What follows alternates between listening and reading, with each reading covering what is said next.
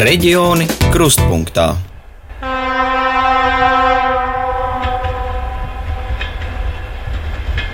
Pēdējais pasažieru vilciens Blīdenes dzelzceļa stacijā piestāja 2001. gadā. Katru gadu tā kļuva arvien tukšāka, līdz pirms pāris gadiem te vairs nebija neviena iedzīvotāja. Grezno divstāvīgo stacijas ēku ar lieliem logiem sācis drupināt laika zops. Tā ir tipveida, un tieši tādas pašas redzēsiet vēl piecās pieturās, kas tika uzceltas 1929. gadā uzbūvētās dzelzceļa līnijas Liepāja Glūda malā. Stacijas ēka stāsta par to apdzīvotību, kāda savā laikā pilsblīdenē bijusi, arī to, ka te bijis daudz darbinieku, jo otrajā stāvā ir deviņi dzīvokļi. Mani sauc Ieva Benefelde, un šodien raidījumā reģiona krustpunktā atklāšu stacijas ēku, kur vilciens vairs nepietur stāstus, kas notiek ar kādreiz tik noslogotajiem un ekonomiski nozīmīgajiem Latvijas dzelzceļa pieturas punktiem un kādu likteni piemeklējas daudzās stacijas ēkas kurzemē un citviet Latvijā.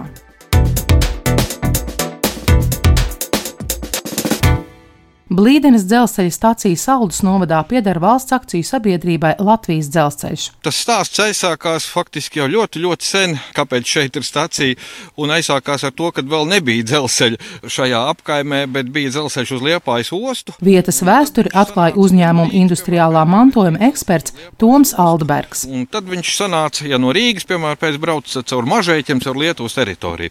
Un tā kā Latvija ieguva savu neatkarību 1918. gadā, bija kaut kā jādomā, kā uz to liepāju aizbraukt nu, pa taisno. Vismaz daudz taisnāk un neiebraucot kaimiņu valstī, jo tas, protams, sagādā daudzas nērtības.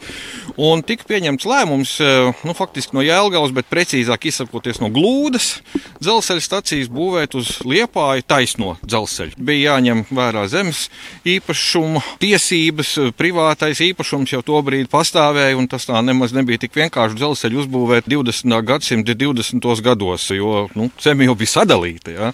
Un, eh, nu, tā nu sanāca, ka līkumojot vairāk vai mazāk, bet tas trasējums sanāca caur šejienu, nu, caur pilsblīdeni, kas toreiz bija diezgan nu, nopietni attīstīta un apdzīvota vieta. Un tāpēc arī mm, nu, tika šeit pieņemts lēmums būvēt staciju. Stacija bija jābūvē, tur bija divi kritēriji. Pirmais bija ik pa laikam, nu, teiksim, 15 km aptuveni attālums, jo tas ir nepieciešams, lai vilcieni varētu izmainīties. Sliedes ir tikai vienas, un ir jābūt kaut kādai vietai, kur pretīm braucošais vilciens var izmainīties ar uz otru pusi braucošo. Otrs kriterijs, protams, ir apdzīvotā vieta. Nu, un eh, tad sanāca, ka šeit tad, tad stacijai būt Par staciju un dzīvi tajā cilvēku atmiņās saglabājies vēl daudz stāstu. Viena no viņām ir Velta Strautmane, kura pilsplīdenē nodzīvojusi ilgus gadus. Bija ļoti jauki. Cilvēki bija ļoti daudz.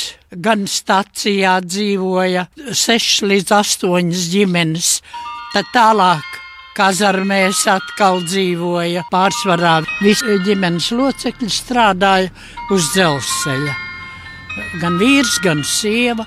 Nu, turēja arī lopiņus, bet šausmīgi grūti bija. Sienas bija jāvāc no dzelzceļa malām.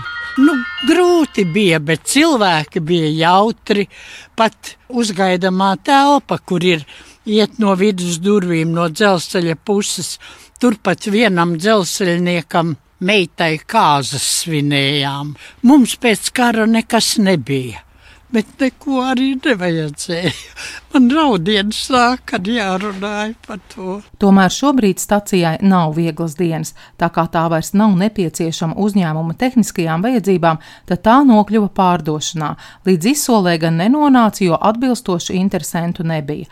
Nu ir izsludināta atkārtota izsole. Tā noslēgsies 26. janvārī, vai tā beidzot tiks pie īpašnieka, kas ēku glābs, vēl nav zināms. Jāteic, ka staciju liktenis visos laikos, kopš Latvijas teritorijā uzbūvēts pirmais dzelzceļš 1861. gadā, bijis pakļauts valstu ekonomiskajai attīstībai. Pasažieru stacijas ēkas reprezentēja konkrētu pilsētu vai ciemu un kalpoja vilcienu pasažieriem. Daudzās staciju ēkās nodrošināja ēdināšanu, tirgoja laikrakstus, te bija pasts un citi pakalpojumi. Cilvēki satikās, piedzīvoja šķiršanās. Šobrīd dzīve mainījusies, un daudz ko no tā visa cilvēki dara citādi. Aptuveni puse no visām sākotnējām staciju ēkām ar dzelzceļu vairs nav saistītas. Pēdējo 50 gadu laikā likvidēti teju visi šaursliežu dzelzceļi, slēgta vilcienu kustība arī vairākos platsliežu dzelzceļa iecirkņos. Un rodas jautājums, kas notiek vai noticis ar šīm neparastajām ēkām? Ir ēkas, kas pārvērtušās drupās, ir, kas nu ir privāti vai vairāk dzīvokļu mājas. 90. gadu sākumā viena daļa nokļuvusi pašvaldību īpašumā, daļa izsolēs nonāk privātās rokās. Ir piemēri, kad ar pašvaldību tiek slēgts patapinājumu līgums. Turpina uzņēmuma Latvijas dzelzceļa pārstāvis Toms Altbergs. Piemēram, pēc Gulbens dzelzceļa stācijas ēka dzelzceļam ir vajadzīga ļoti minimālā apjomā. Faktiski tikai stācijas dežurants mums ir palicis. Ja? Lielākā ēkas daļa ir patapināta eh, Gulbens novada domai, un eh, novada doma tur ir izvietojusi aizraujošu, faktiski tādu zinātnisku centru, dzelzceļš un tvaiks, interaktīvu. Un eh, tas noticis ir kā uz patapinājumu līguma pamata, tad pašvaldība realizē sev uzdotās noteiktās likumā funkcijas, Un tādā gadījumā dzelzceļš to var patapināt nu, teiksim, kaut, uz kaut kādu termiņu, faktiski bez maksas. Ja. Nu, līdz ar to ir abi divi apmierināti. Gan, gan dzelzceļš, gan pašvaldība ēka arī tiek uzturēta. Tur arī ar katru pašvaldību konkrēti tiek nu, vienojās, kurš ko dara, ja, tā lai, lai, lai ēkai būtu pēc iespējas labāk. Un šī sadarbība ar pašvaldībām mums e, notiek regulāri Cēsu pašvaldība, piemēram, pēc arī ļoti labi sadarbības partneri. Nu, mums ir arī stācija baznīca. Tas ir zem Daugaupils, pašā Lietuvas pierobežā. Jā, tur ir katoļu baznīca. la forma tan. Šādu noskaņu saldus novada Zirņu pagasta Airītas stacijā rada te izveidotā ekspozīcija, kas ēku atdzīvinājusi ar aizgājušā laika noskaņām, cilvēku stāstiem un vēsturi.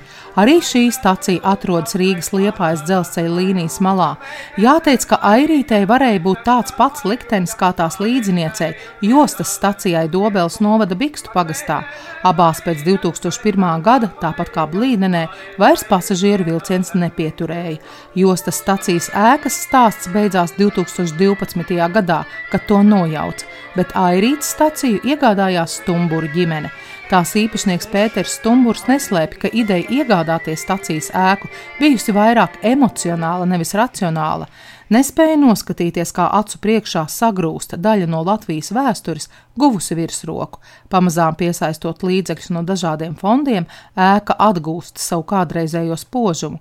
Te ir arī iespēja pārnakšņot, notiek dažādi kultūras pasākumi, un pavisam nesen projektu bankā izdevies savākt nepieciešamos līdzekļus, lai uz airīti pārvestu mantu glabātavu sēku, kādas Latvijā saglabājušās vien dažas. Tā ir koka ēka ar dakstiņu jumtu ļoti skaisti nostrādātas durvis. Gribās teikt, kā brīvdabas muzejā, tāds varbūt nacionālais romantisms, arī spāru gali skaisti griezti. Ēka tādās ļoti skaistās proporcijās. Un, un, un, nu, es domāju, ja mums viss šis izdosies, tad ļoti skaisti šeit izskatīsies. Arī blīdenes stācijas liktenis Pēterim Stumburam nav svešs. Nu, noteikti, ka vajadzētu atbalstīt tos, tos cilvēkus, kas interesējās un kas cenšas un kas vēlētos nopirkt. Ir saprotams, ka dzelzceļu kā organizācija, protams, ierobežo kaut kādiem likumdošana. Un ka viņi nevar gluži atdot šo īpašumu par velti. Tā pašā laikā nu, pasaulē tā ir pieņemta prakse, ka nu, labi, tā ir dzelzceļa stacija, bet, piemēram, pilis Francijā šur, tur, šur un tur var nopirkt pa vienu eiro, parakstot attiecīgi apņemšanos ar, ar pašvaldību. Jā ka nu, noteiktā laikā tiks ieguldīts tik un tik, jā, varbūt 5 miljoni. Bet um, varbūt līdzīgs modelis varētu darboties. Te varbūt pietrūkst kaut kā tāds skats no augšas, ja, politiskā ziņā. Domāju, ka mēs visi esam pamanījuši to, ka dzīve it kā decentralizējās, ka cilvēki strādā no mājām, cilvēki meklē mājvietas ārpus pilsētas un pat ļoti tālu ārpus pilsētas. Tad cilvēkiem varētu būt ļoti nu, interesants šāds īpašums, tieši veca stacija, ja, vai arī varbūt veca rūpnīca vai kaut kas līdzīgs. Un to vajadzētu kaut kā atbalstīt. Ja? Varbūt šajā gadījumā valsts varētu mainīt to likumdošanu, kas uh, ierobežo dzelzceļu Un tiešām, jā, parakstīt kaut kādu apņemšanos, noteiktā laikā sakārtot pa soļiem līdz noteiktam līmenim. Nereti privātajās rokās nonākušās stacijas kļūst par kultūra vietām. Veiksmīgs stacijas ēkas stāsts ir arī ērgļos. Tā atrodas Māra Oltes ģimenes īpašumā. Mājaslapa iedvesmo ar vārdiem: vieta, kur satiekas mirkļi. Visu var sākt no jauna, un nekas nav neiespējams. Māris Olti uzsver, ka stacija ir radoša telpa, bet sākums nebūtu nav bijis viegls. Nu, es pēc bildēm skatos, kad es sāku uz viņu cerēt 13. gadā. Tas, kas man lika atgriezties pie tās stācijas, ir tā, ka vienkārši tu paliec vecāks un tev sāk vilkt uz to vietu, kur tu esi dzimis. Un es esmu dzimis ēgļos, un kaut kā nerimējās galvā tas fakts, ka Latvijā tik daudzām kvalitatīvām, interesantām, vēsturiskām vietām ir uh, domāts liktenis pazust vai, vai kļūt neapdzīvotām vai mazapdzīvotām. Man tas nerīmējās, un tāpēc uh, darīšu visu, lai tie nepaliek tukši un neapdzīvoti. Tā es arī rīkojos, un tas ir iemesls, kāpēc izvēlējos staciju. Vienkārši redzēju, ka viņi ir tukši tajā dienā, tieši bija kaut kādā februārī, martā atradu.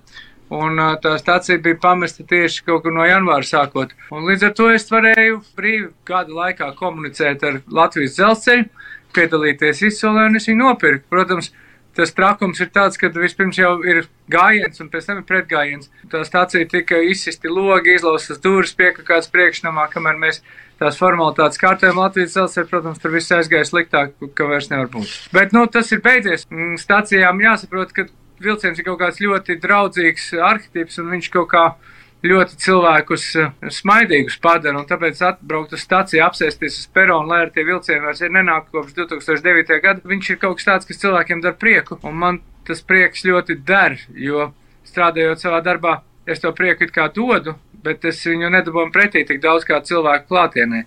Tas ir tas, kā es sev esmu noformulējis, kāpēc man patīk būt stācijā sestdienās, kāpēc man patīk tikties cilvēkiem, uzaicināt uz turieni cilvēkus un rīkot kaut kādus mazos svētkus. To, ka stacijās ir kas maģisks, atklāja arī Elīnas Kursītes un Lienas Millers pētījums Nākamā pietura mājas, kas klajā nāca Latvijas dzelzceļa simtgadē. Lai to apkopotu, autors apmeklējuši ap 200 staciju, kuru vilciens vairs nepietur, intervējušus vairāk nekā 90 cilvēkus, tā ēku vēsturi saglabājot kaut stāstos. Turpina sociāla antropoloģe Liena Millere. Mēs gribējām uzzināt, pirmkārt, jau kā ir dzīvot šādā tādā vēsturiskā vietā, jo jebkura tā stācija, pat ja viņa nedarbojās, viņa kaut kādā ziņā iezīmē šīs visas tās apkārtnes, tādu centru, un katrs iedzīvotājs arī zina, kas ir noticis šajā vietā, un nāk līdzi kaut kāda vēsture. Vēl ko mēs uzzinājām, piemēram, arī par šīm dzelzceļnieku dinastijām. Tas bija ļoti interesanti, kur vectēvs ir cēlis tos dzelzceļu, vai arī stacija bijis dežurants, pēc tam priekšnieks, un tad to, šos amatus pārmantojuši jau no Latvijas laika arī viņu bērni un tās dzelzceļnieku dinastijas paudzēm. Tas ir gluži kā ārstu dinastijas kaut kādā ziņā iezīmēs tādu līdzību. Tām stacijām ir kaut kāda tāda mītiskuma un maģija Latvijas aura, atmosfēra, jo tas ir gan ceļa sākums, kādam tas ceļa sākums, kādam ceļa beigas, tāda ļoti bagātīga, uzslāņota vieta. Tā ir. Tāpēc arī tie stāsti ir ārkārtīgi interesanti un dažādi. Cik vienkārši ikdienišķi dzīves stāsti var uh, līdzināties teju pasakām, varbūt tas man šķita tāds pārsteidzošākais, kur, piemēram, viens stāsts uh, Bērspilī bija par to, kā satikās uh, vilcienā vecāki, kā māte ir iekritusi, paklupusi aiz koferu un iekritusi tā kā tēvam, topošam, topošam savam vīram, klēpī, piemēram, šādi brīnišķīgi stāsti. Nu, un kopumā, jā, ka mums tas mantojums ir ļoti liels, gribas to saglabāt. Ja nesaglabāt, uh, fiziski, tad vismaz šajos stāstos vienkārši kaut vai dokumentēt uh, šos pierakstus, jo nu, dzīve tomēr mainās un ir kaut kādi objektīvi apstākļi, kāpēc tas tā viss notiek. Gan objektīvi, gan neobjektīvi, protams. Bet vismaz dokumentēt, pierakstīt to, tas noteikti ir nepieciešams. Raidījums veidots RTV un Skrundas TV pēc programmas Latvijas Rādio 1 pasūtījumu. Raidījumu veidoja Ieva Benefelde. Tā tapšanā pateicamies par sadarbību arī Alanam Perševicam. Jau pēc nedēļas raidījumā Reģiona Kruspunktā mūsu kolēģi no RTV stāstīs par sabiedrības spēju pieņemt citādo un atšķirīgo, par spēju pieņemt cilvēks ar retām saslimšanām vai citām fiziskām īpatnībām. Reģioni Krustpunktā.